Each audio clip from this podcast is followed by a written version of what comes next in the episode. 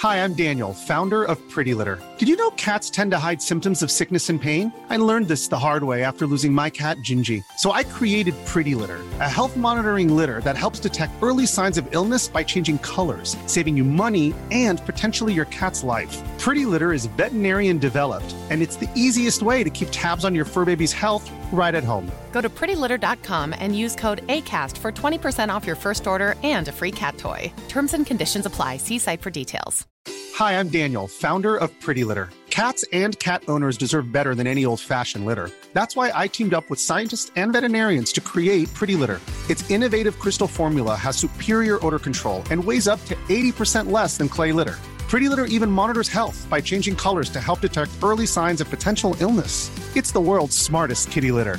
Go to prettylitter.com and use code ACAST for 20% off your first order and a free cat toy. Terms and conditions apply. See site for details. Quality sleep is essential. That's why the Sleep Number Smart Bed is designed for your ever evolving sleep needs. Need a bed that's firmer or softer on either side? Helps you sleep at a comfortable temperature? Sleep Number Smart Beds let you individualize your comfort so you sleep better together. JD Power ranks Sleep Number number 1 in customer satisfaction with mattresses purchased in-store. And now, save 50% on the Sleep Number limited edition Smart Bed for a limited time. For JD Power 2023 award information, visit jdpower.com/awards. Only at a Sleep Number store or sleepnumber.com.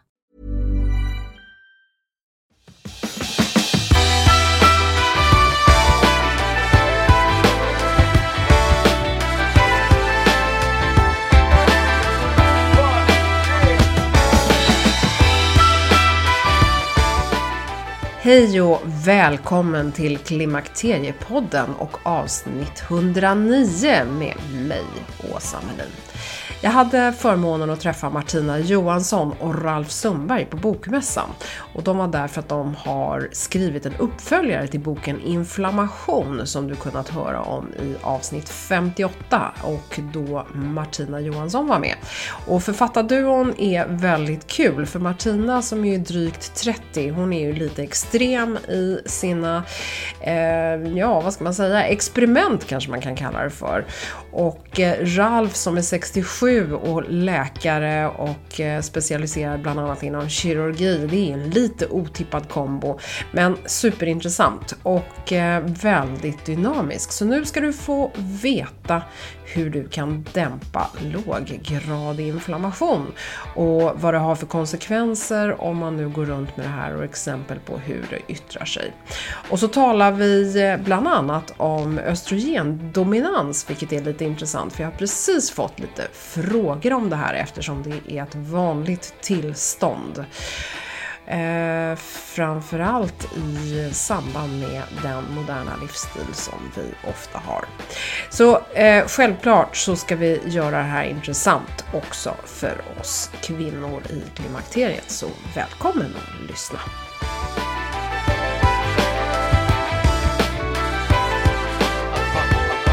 Martina Johansson och Ralf Sundberg, hjärtligt välkomna till Klimakteriepodden. Tack. Vi tackar. Jag har er här idag för att ni tillsammans har eh, skrivit uppföljaren till boken Inflammation, roten till sjukdom och vad du själv kan göra för att läka. Och den här uppföljaren heter Dämpa inflammationen, en praktisk guide till ett friskare liv. Och Martina, du har ju varit med i Klimakteriepodden flera gånger, bland annat berättat om hormoner och eh, din första bok eh, eh, eller det var inte din första bok, men Hormonbibeln som jag mm. älskar för den tar ett helhetsgrepp om hormoner. Vill man höra om det så kan man lyssna på avsnitt 21. Och i avsnitt 58 så pratar du då om den ursprungliga boken, den här, eller den första som ni skrev tillsammans.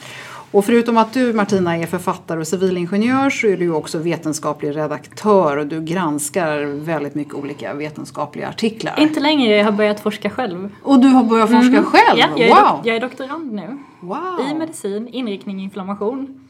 Lämpligt nog. Ja, mm. i, här i Göteborg? Eh, I Linköping. I Linköping, mm. ja vad spännande. Mm. Kul! Grattis ja, tack. till vetenskapen. Ja, verkligen. Ja. Mm. Och Ralf, du är, du är läkare, du är kirurg, du har jobbat mycket med transplantationer. Ja. Och eh, du eh, har också, du är docent och författare och föreläsare och du brinner också för folkhälsa och föreläser frekvent i ämnet. Det är alldeles riktigt. Ja, och ni gillar båda två tanken på att folk ska hjälpa sig själva och inte bara symptomdämpa. Och det är ju en av de liksom huvudgrejerna i den här boken att vi eh, tenderar att leva i ett mer och mer medikaliserat samhälle där man liksom lappar och lagar istället för att gå till roten med, eh, med, med det onda innan det är för sent. Det går inte att backa allt men det går att, att göra ganska mycket. Så att man ska inte acceptera sjukdom utan man ska göra saker själv. Ja, det gäller att gå till roten med det hela. Eh, Alltså titta på vad orsakar det här. Och tittar vi på dagens moderna medicin så handlar det väldigt mycket då om symptomdämpning. Och det är inte så underligt egentligen därför att läkemedelsindustrin inser ju, eller insåg redan i slutet av 50-talet att det är ingen idé att utarbeta kurer som botar människor. Eh, För då tjänar man inte pengar hela tiden. Mm. Och är det hisspitchen för eran bok? Eh, Det är det Ja. väl.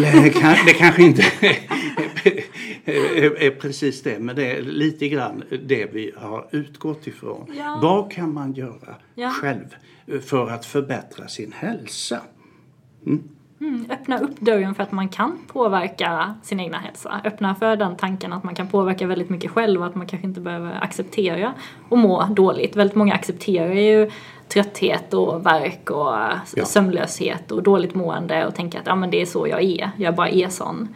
Ja, och jag tänker för oss Ja. kvinnor så kanske det också handlar om att man blir äldre så får man Precis. acceptera det som en del av ett åldrande. Precis, men Ja. vi menar då att det finns väldigt mycket som man kan göra själv för att må bättre. Och ibland kan man backa bandet om man då har fått någon kronisk sjukdom. Att man kan eh, kanske till och med reversera den ibland. Och det har man ju sett med ja, typ 2 diabetes till exempel. Vi ser ju väldigt många friska diabetiker numera som kostbehandlare då istället för att ta läkemedel.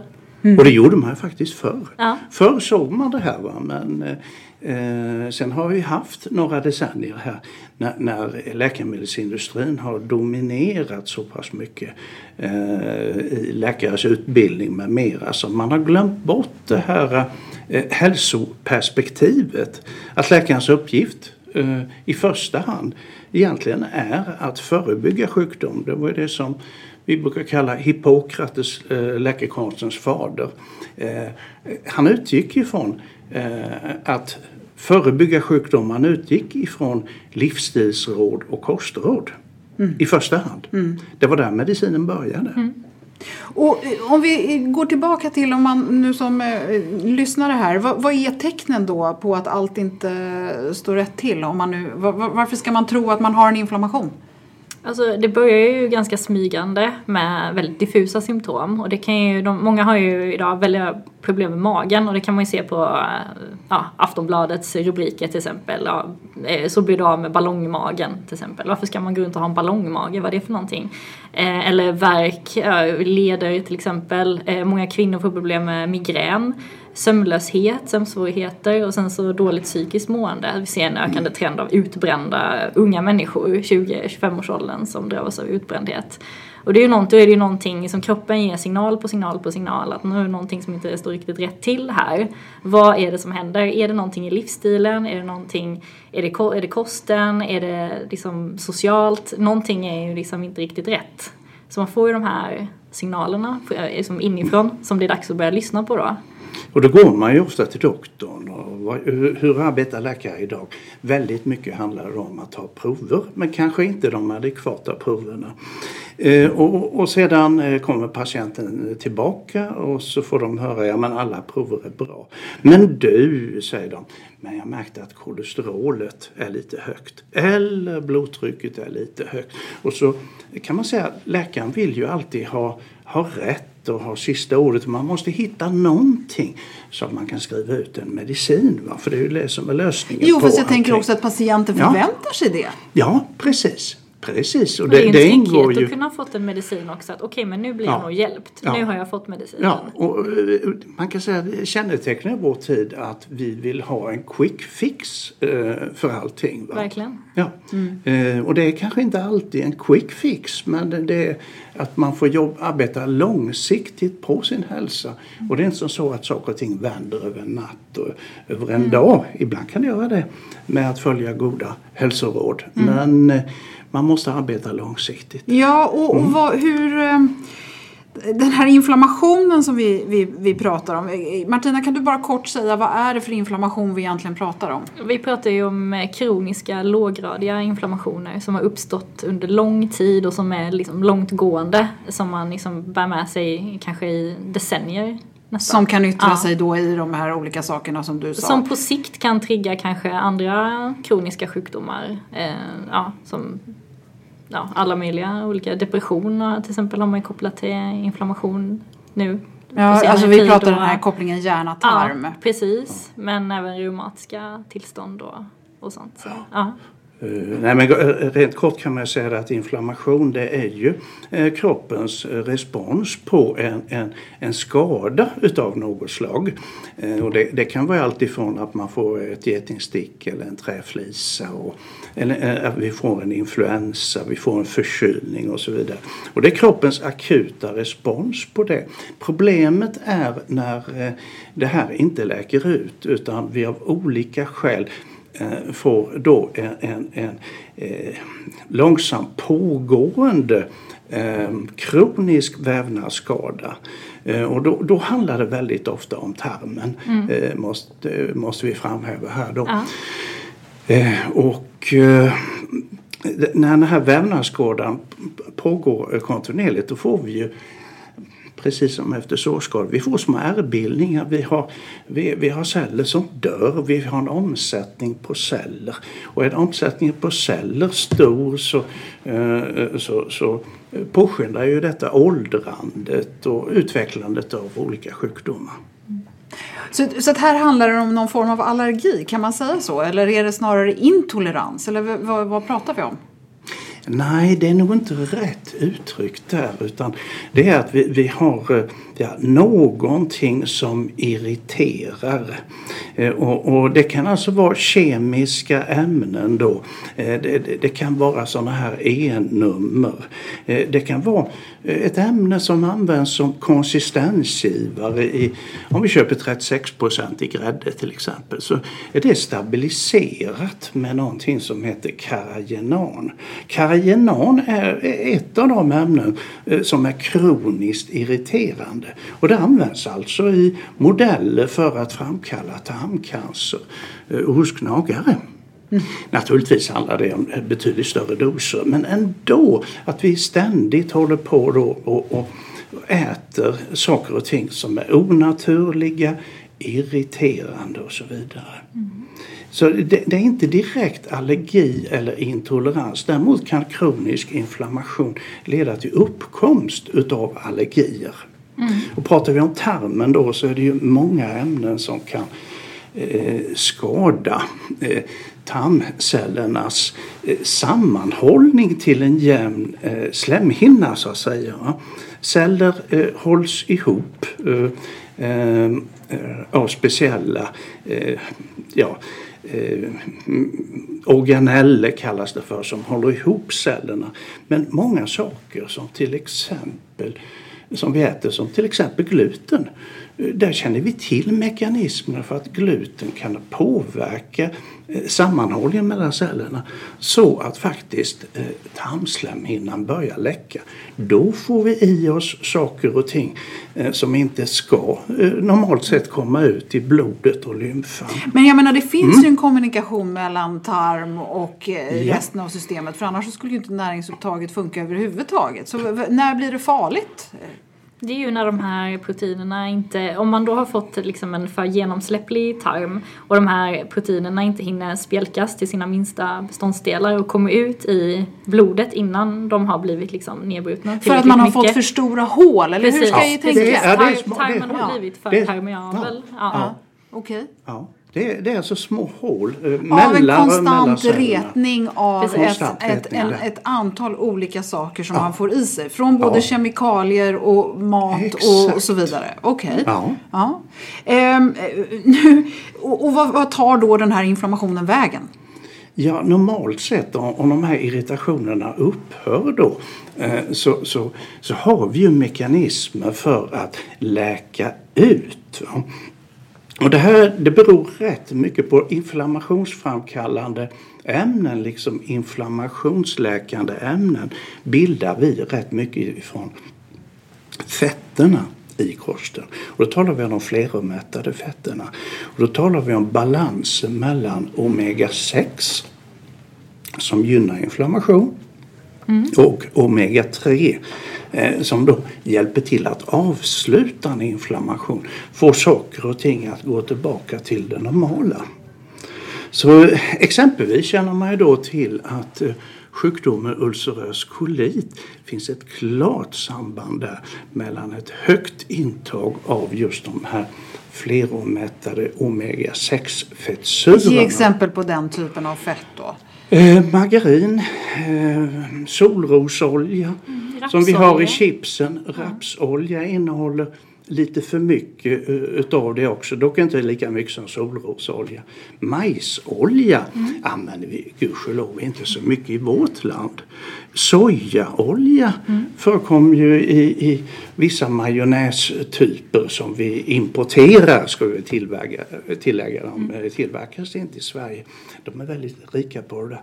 Och sen är det också så att om vi nu tar uh, in ja, djurfabrikerna, industriköttet, de matas ju med fetter. Eh, rapsolja och inte minst sojaolja då. Mm. Särskilt i USA. Ingår i djurfodret. Och, och, så äter vi mycket av den typen utav in, ja, grisfabriker. Eh, sånt mm. kött. Va? Mm. Eh, så är det inte så bra. Nej, okej. Okay. Så fett och gluten kan vara exempel på det, olika E-ämnen och så. Ja, alltså det är typen Glu Det, det alltså, finns fler saker alltså som retar. Vi, vi pratar ju en hel del om kost i boken och det, vi försöker ju inte ge för mycket pekpinnar och sånt för vad man ska äta och inte utan vi tar ju upp olika typer av livsmedel och vad de potentiellt skulle kunna ge för problem. Så vi pratar ju lite om gluten, vi pratar också om mjölkproteiner till exempel. De har också den här förmågan att eh, påverka tarmens genomsläpplighet då. Eh, och sen så pratar vi också, vi pratar en hel del om, om eh, grönsaker och antinutrienter i grönsaker och salater. Eh, ja, alltså att det finns ju eh, både för och nackdelar med ett gäng olika livsmedel. Och det den individuella känsligheten ju, kan ju vara väldigt olika för vad man tål och inte. Ja. Och, eh, så att man kan ju ha sån otur att man nästan inte kan äta någonting för att eh, allting liksom retar en redan, eh, en redan uppretad tarmslemhinna till exempel. Ja. För, för, jag tänker att här, hur, hur ska jag agera då som individ för att få någon bukt med det här? Om jag upplever att jag har mycket utslag i ansiktet, jag har ständigt eh, trubbel med magen mm. eller vad det nu kan vara. Det, det, är ju då, om jag förstår det hela rätt, tydliga tecken på inflammation. Mm. Va, va, va, hur ska jag bete mig för att, att liksom, försöka börja någonstans då? Ett sätt som man kan börja på är ju att bara testa att utesluta till exempel då gluten och mjölkprodukter. Det brukar de flesta få väldigt bra effekter av om det kommer till just att man har problem med huden. För huden brukar, man brukar säga att huden är en spegling av tarmen.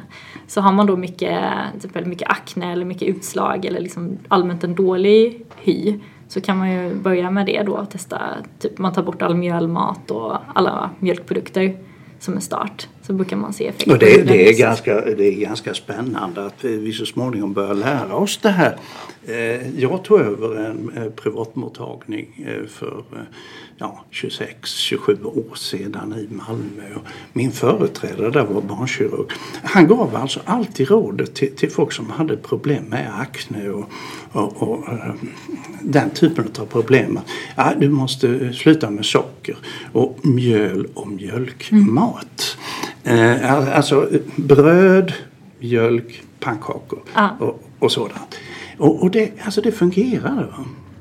Socker har du sedermera visat sig för kanske en tio år sedan att det är väldigt drivande vad det gäller akne. Mm. Men förr har man sagt, alltså hudläkare, att nej, det, det har ingen betydelse. Ja, men vad beror den här hudsjukdomen på? Frågar folk. Ja, det kommer inifrån, brukade de mm. bästa hudläkarna säga. Mm. Utan att förklara vad det där inifrån är. Ja. Vi, vi ska inte fastna mm. i just huden, utan nej. det finns ju liksom, har oh, alla, ja. är det här gemensamt för alla ja. olika yttringar? Ja, det, alltså Alltså de här livsmedlen och eh, Cancer. så vidare. Vi har. pratar ju väldigt mycket om socker och sånt också och jag höll ju på att glömma bort det där. Så, och liksom hur viktigt det är att kanske då försöka utesluta i alla fall det synliga sockret ur sin kost. Och hur det kan, verkligen kan ställa till det i kroppen och ha liksom en, hög, en hög kolhydratkonsumtion i allmänhet. Inte bara vikten då utan även eh, den allmänna hälsan liksom, när det kommer till eh, ja, Mm. Och då menar vi ju inte bara sockerbitar i kaffet eller Oh, strösocker utan vi, vi, vi talar om läskedrycker Mm. naturligtvis.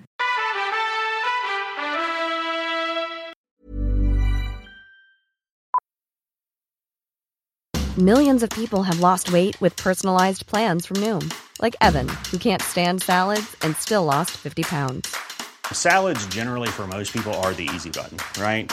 For me, that wasn't an option. I never really was a salad guy. That's just not who I am. But Noom worked for me. Get your personalized plan today at Noom.com. Real Noom user compensated to provide their story. In four weeks, the typical Noom user can expect to lose one to two pounds per week. Individual results may vary.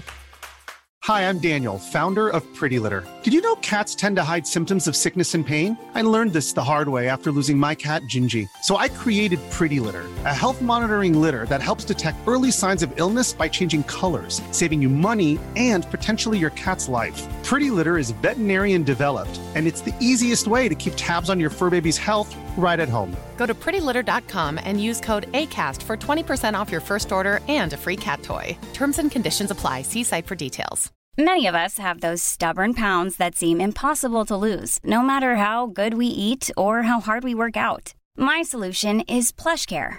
PlushCare is a leading telehealth provider with doctors who are there for you day and night to partner with you in your weight loss journey. They can prescribe FDA-approved weight loss medications like Wagovi and Zepbound for those who qualify. Plus, they accept most insurance plans. To get started, visit plushcare.com slash weight loss. That's plushcare.com slash weight loss. Det är härligt att klimakteriets tabu äntligen är på väg bort. Vill man försöka klara sig utan hormonbehandling så finns nu många nya kosttillskott som lovar bland annat hormonell balans och som ska stötta brister. Jag vill lyfta min räddare i nöden, Femarel. Det har inte bara varit min utan många andra kvinnors räddning i över 20 år. Och med lång tid på marknaden, med nöjda användare, dessutom med 20 forskningsstudier så vågar jag säga att det kan vara en god idé att prova Femarel. Femarel finns på apoteken och i hälsokostbutiker. Tack Femarel som varit min samarbetspartner i många år.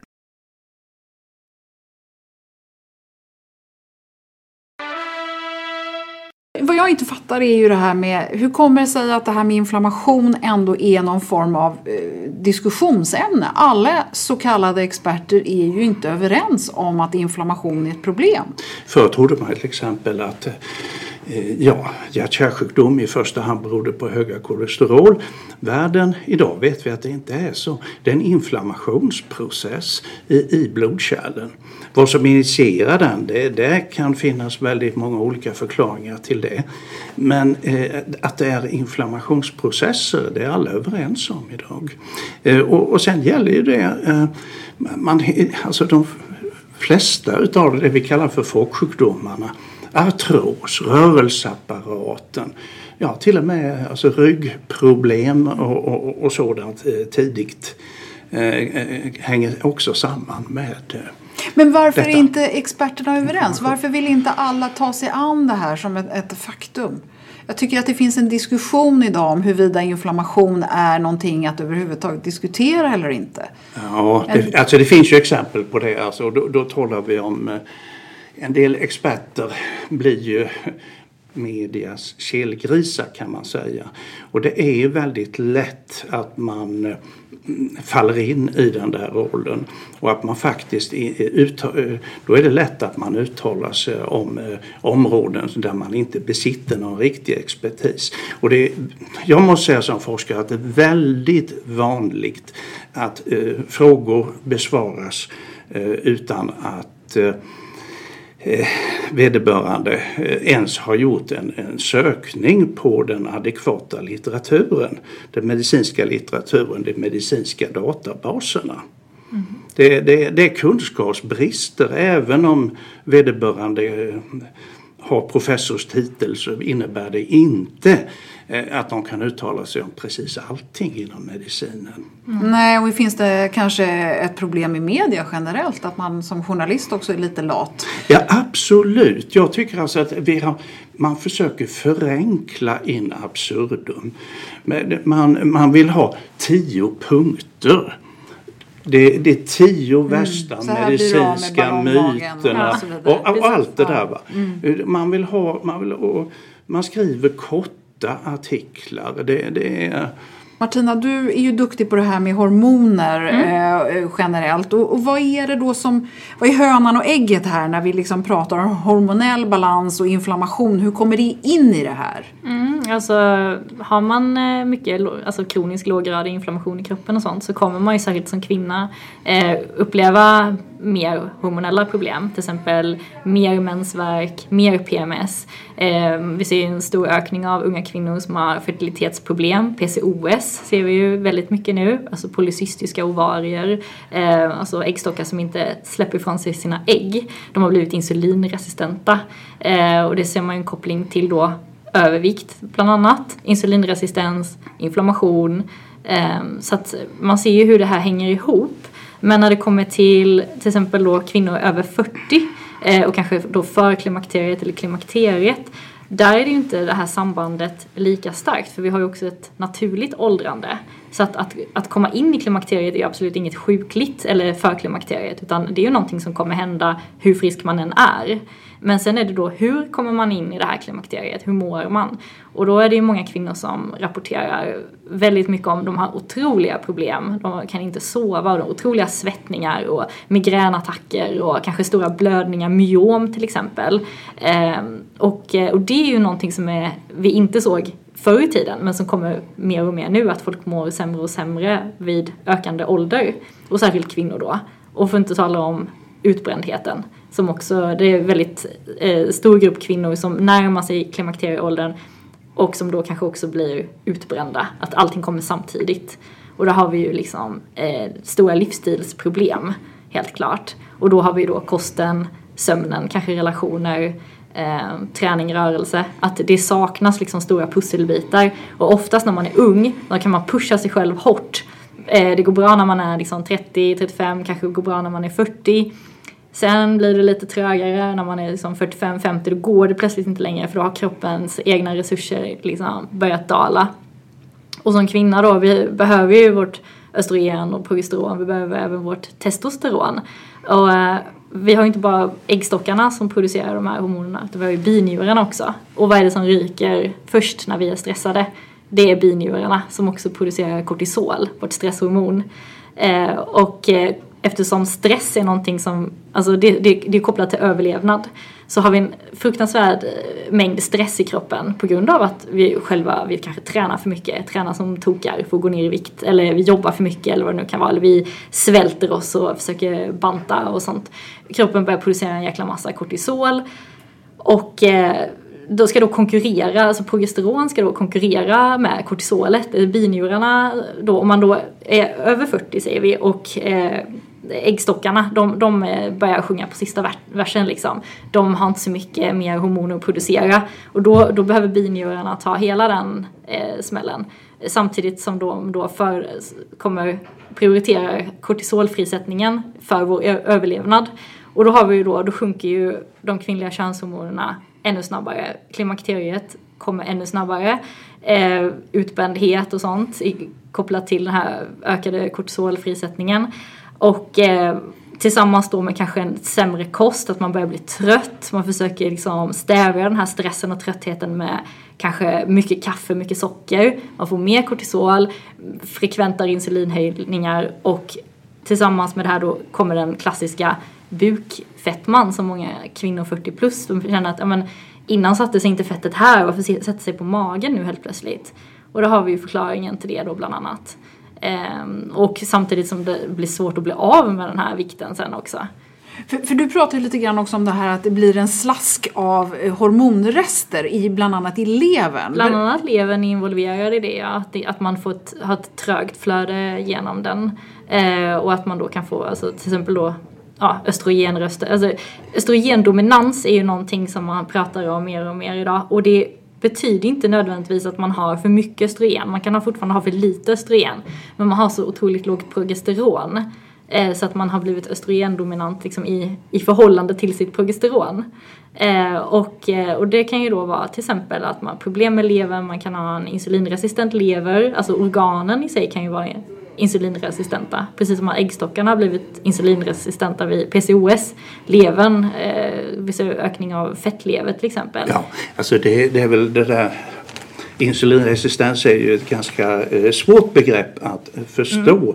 Men, men saken är den när vi eh, om vi dricker låt säga en halv liter Coca-Cola om dagen i två veckor och vi undersöker levern med en sån här magnetröntgen eh, som det kallas. Eh, då kan man se alltså att fetthalten i levern ökar och levern svullnar.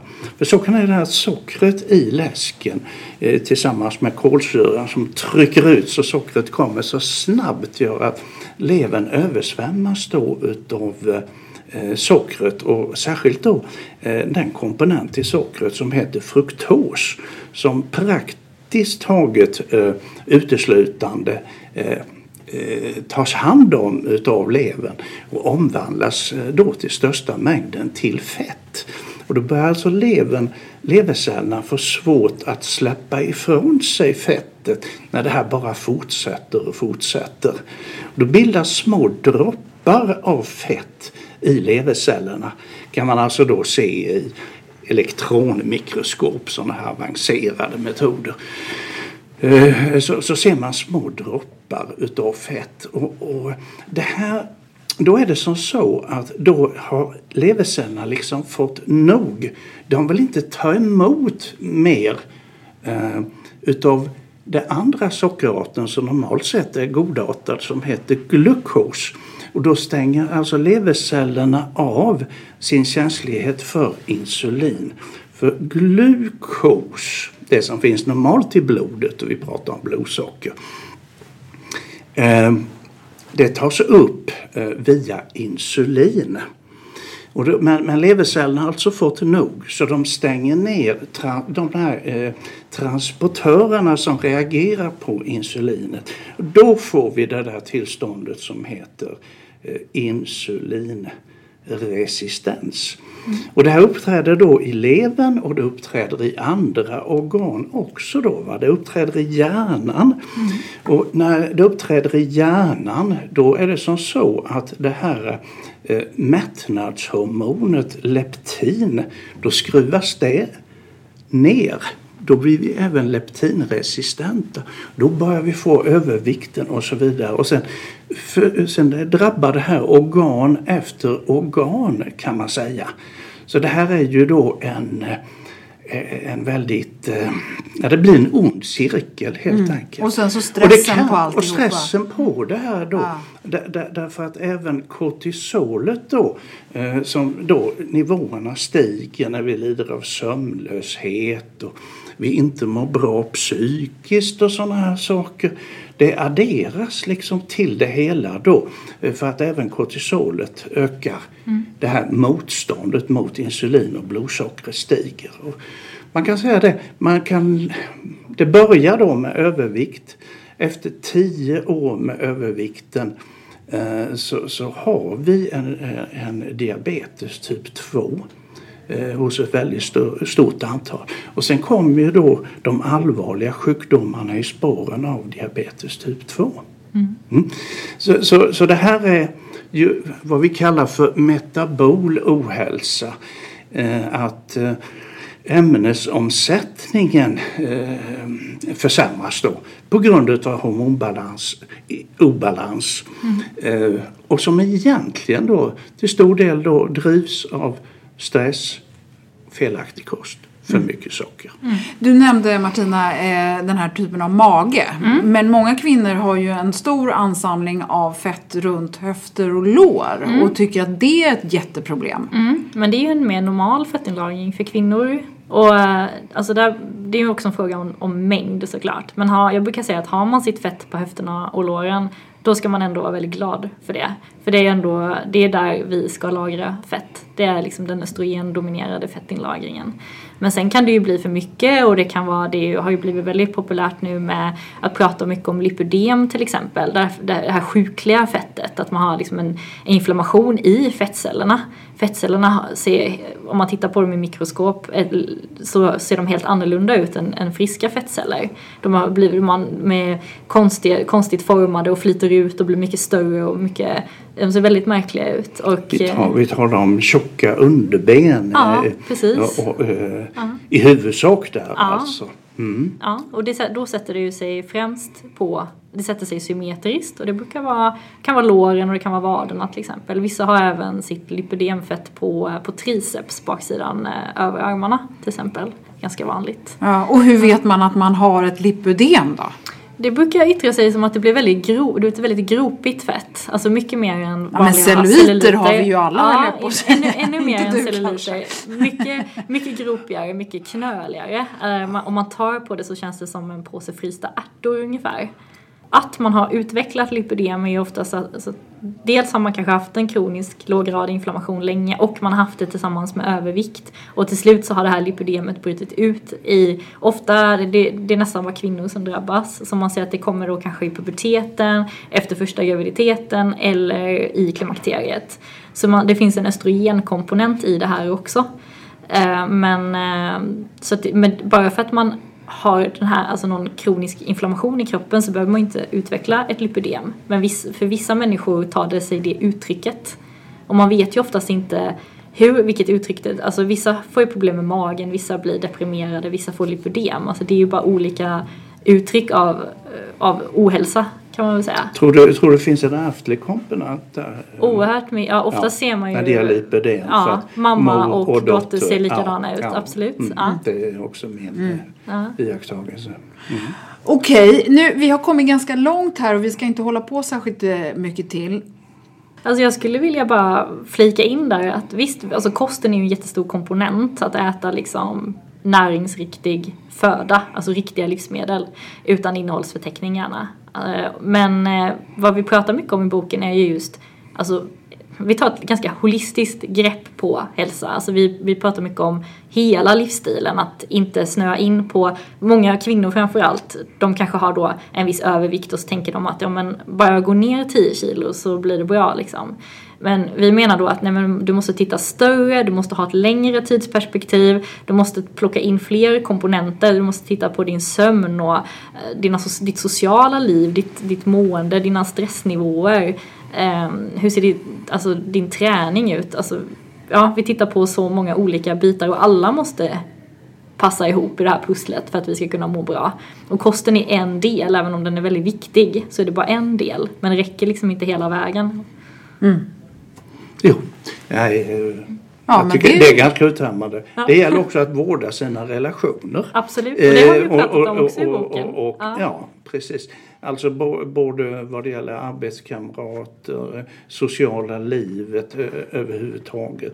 Att ha en positiv eh, eh, grundsyn på livet. Mm. Ja, nej men för det tycker jag eh, var väldigt bra den här, liksom hur, hur påverkar man den, den egna inställningen till, till sitt eget mående. Jag tyckte den, den var väldigt fin, just den biten i boken. Jag, jag tycker att det var, alltså är man stressad, vilket många av oss kvinnor är för sin vikt eller sitt utseende eller sitt ätande eller vad, alltså mm, relationer och barn och män och sex och gud vet vad. Så det är klart att man är stressad så att säga för att allt är inte perfekt. Det är väldigt svårt att få den här eh, alltihopa att stämma samtidigt. Och då fokuserar ju väldigt många gärna på mat och de vill ha matplaner och de vill veta ja, men hur många broccoli behöver jag äta i veckan egentligen? Vad ska jag, vad ska jag äta? Kan någon bara tala om för mig vad jag ska äta? Och vi menar ju att det, då, det är inte så enkelt. För det första så vad du ska äta är ju väldigt individuellt vad som funkar för dig. Utan det handlar ju då om att försöka få hela det här eh, hälsopusslet att fungera, hela livsstilen och att man måste våga titta på alla delar. Och vi pratar ju mycket om just det här med stress, eh, ett kapitel för sig. Eh, hur man kan varva ner, att vi pratar om, eh, om meditation, avslappning, eh, den typen av grejer också. Ja. Jo, det finns ju komponenter där Ja. med, med det man skulle kunna ka- kalla för andlighet. Precis, Eh, ja. För att liksom få med alltihopa Mm. eh, till en helhet. Jag måste också ge en eloge för de här eh, viktiga eh, sätten att göra självskattning som ni, ni tar i boken. Så att vi, eh, vi ska låta den som vill läsa mer om boken med, via några länkar och så vidare. Och jag, jag skulle vilja avsluta med ett citat som ni jättegärna får kommentera. Citatet eh, hör till slutet på boken och då skriver ni att alla förutfattade meningar kring kost rör sannerligen till det. Så till den milda grad att vi helt slutat använda det sunda förnuftet när det kommer till hälsos, hälsomässiga val. Människan är idag det enda djuret i naturen som inte vet vad den ska äta. Vilket är en ganska märklig utveckling vid närmare eftertanke. Jo, så, är, så är det. Ja. Så är det. Och vet vi efter det här avsnittet vad vi ska äta? Nej, det har vi inte avslöjat. Nej. Vi får låta lyssnarna avgöra det själva genom, efter att de har läst boken. Ja. Och så kan de börja experimentera lite. Men, men det är ju, du i och för sig Martina, du gav det ju bort det lite grann. Innehållsförteckning är det, eh, råvaror utan innehållsförteckning, det är det Yes. vi ska satsa på. Det är det viktigaste, att man satsar på riktiga livsmedel helt enkelt. Man hoppar över alla de där paket, färdigpaketerade grejerna med hälsoslogans på. Jag brukar rekommendera folk att gå till affären och liksom börja vänd på förpackningarna, titta på innehållsförteckningen. Är det fler än fem ingredienser så brukar det börja, bli, börja se väldigt konstigt ut. Alltså om, det, om du inte längre kan uttala vad det är för grejer i, då kanske du inte ska köpa den produkten. Liksom. Nej. Det finns en annan komponent och det är ju då vad våra tarmbakterier gör. För i- de, de kan göra saker och ting bättre och de kan göra saker och ting sämre. Eh, Och det, och det, det är någonting som vi kanske kommer att eh, eh, återkomma till i, i kommande böcker. Spännande, härligt. Ja. Tusen tack eh, Ralf Sundberg och Martina Johansson för att ni kom till Klimakteriepodden idag. Tack så mycket! Tack!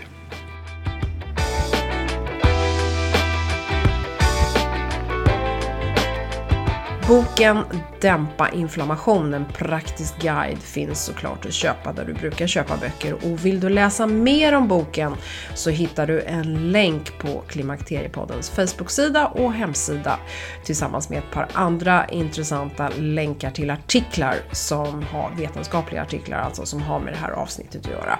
Mig, Åsa Melin, kommer du i kontakt med på antingen via Facebook-sidan, hemsidan, eh, Instagram och eh, du kan också mejla mig på info klimakteriepodden.se.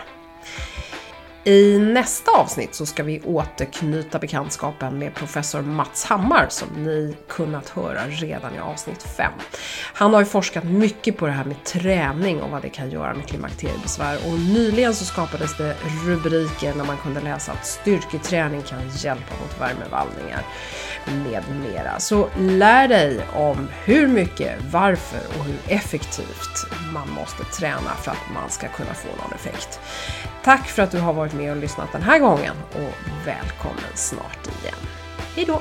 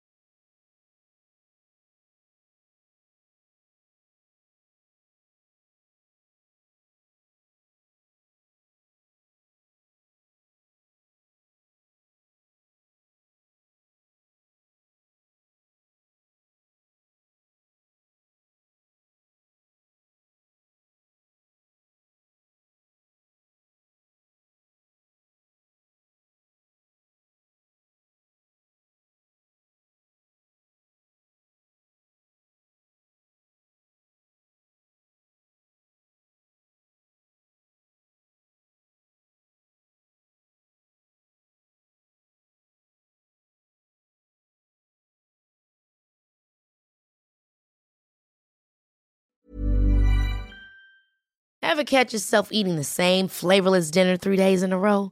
Dreaming of something better? Well, HelloFresh is your guilt-free dream come true, baby. It's me, Gigi Palmer. Let's wake up those taste buds with hot, juicy pecan-crusted chicken or garlic butter shrimp scampi. Mm. Hello Fresh.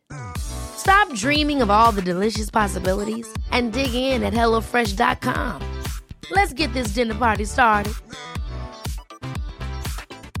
Hi, I'm Daniel, founder of Pretty Litter. Did you know cats tend to hide symptoms of sickness and pain? I learned this the hard way after losing my cat, Gingy. So I created Pretty Litter, a health monitoring litter that helps detect early signs of illness by changing colors, saving you money and potentially your cat's life. Pretty Litter is veterinarian developed, and it's the easiest way to keep tabs on your fur baby's health right at home. Go to prettylitter.com and use code ACAST for 20% off your first order and a free cat toy. Terms and conditions apply. See site for details. Planning for your next trip?